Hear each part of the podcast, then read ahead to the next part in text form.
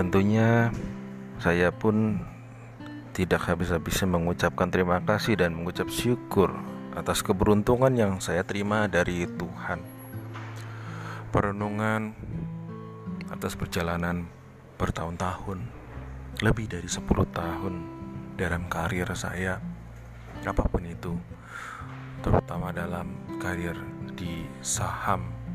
Sebagai seorang investor harus bijak, harus mengendalikan emosi, bahkan lepas dari emosi di luar kontrol mengakibatkan kerugian, pending, dan lain-lain. Saya menganggapnya itu sebuah kesialan. Kadang sering berpikir dan mengingat lagi, apalagi yang perlu disyukuri selain masih diberikan nafas kehidupan oleh Sang Pencipta, Sang Gusti. Dalam hidup yang singkat ini, saya sering kali tertekan terjebak rasa takut untuk memulai kembali apa yang saya cap gagal, apa yang telah saya cap gagal. Rasanya keberuntungan dan kesialan saling berlomba-lomba untuk mengikuti kehidupan saya, bahkan sebelum saya menikah. Sampai pada satu saat saya menyadari bahwa bahwa saat seseorang diterim, ditimpa kalangan, ditimpa kesialan, ditimpa kegagalan sekalipun, ternyata di balik itu semua juga selalu ada kesempatan. Saya pun sering luput melihat kesempatan itu dan lewat begitu saja karena saya emosi.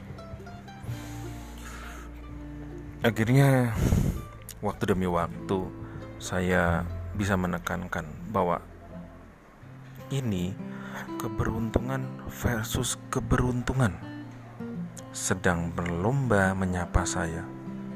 Saya harap Anda yang mendengar ini pun juga bisa menyadari apa yang telah saya sadari dan mungkin saya telat menyadarinya.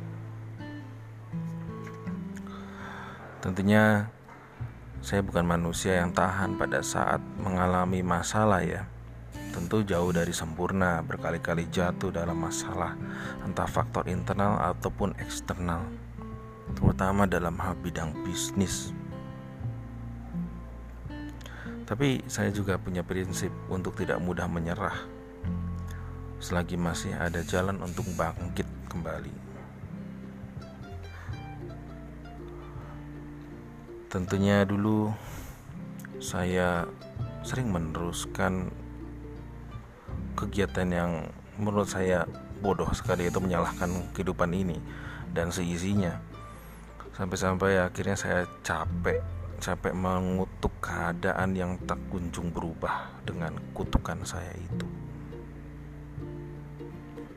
Saya coba berhenti menyalahkan dan terutama saya berhenti untuk mencari kesalahan, mencari keburukan.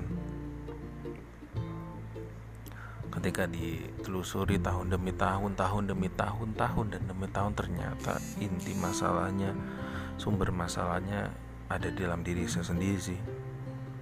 Bukan dari luar. Makin ke sini, tentunya saya yakin bahwa Tuhan membentuk kita dengan begitu lengkap hanya saja kita perlu belajar bagaimana cara menggunakan kelengkapan ini dengan baik. Karena ya bagi saya Tuhan sepertinya memiliki selera humor. Humor yang nyentrik. Agak ngaco mungkin. Karena dia dia tidak memberikan buku yang manual. Sampai saat ini saya sering dan masih meneruskan menggali tentang proses menjalani kehidupan ini. Tentunya dalam hal berbagi inilah yang saya lakukan salah satunya membuat sebuah rekaman membaginya kepada teman-teman dan saudara-saudara sekalian. Tidak melulu kesialan menempel pada Anda karena itu bersifat sementara. Bahkan di dalam agama Buddha pun bersifat maya.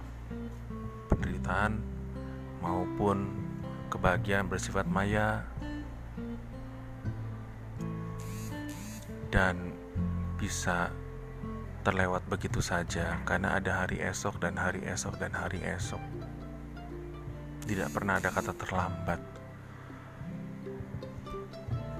marah pun bisa reda, senang pun bisa reda, dan semuanya akan kembali ke titik nol. Titik netral yang membuat kita tenang. Ya, saya mengingat hal ini, makanya saya rekam ini.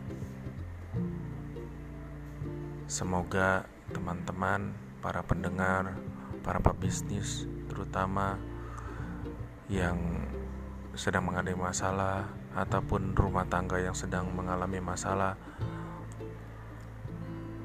mendapat hidayah, mendapat pencerahan, bisa mengaca, mengaca pada masa depan yang lebih baik bahwa kesempatan selalu ada. Kesempatan untuk merubah kehidupan lebih baik itu selalu ada. Terima kasih untuk anda semua yang tetap mengikuti podcast ini, rekaman ini. Semoga bisa menginspirasi dan menyejukkan hati. Terima kasih.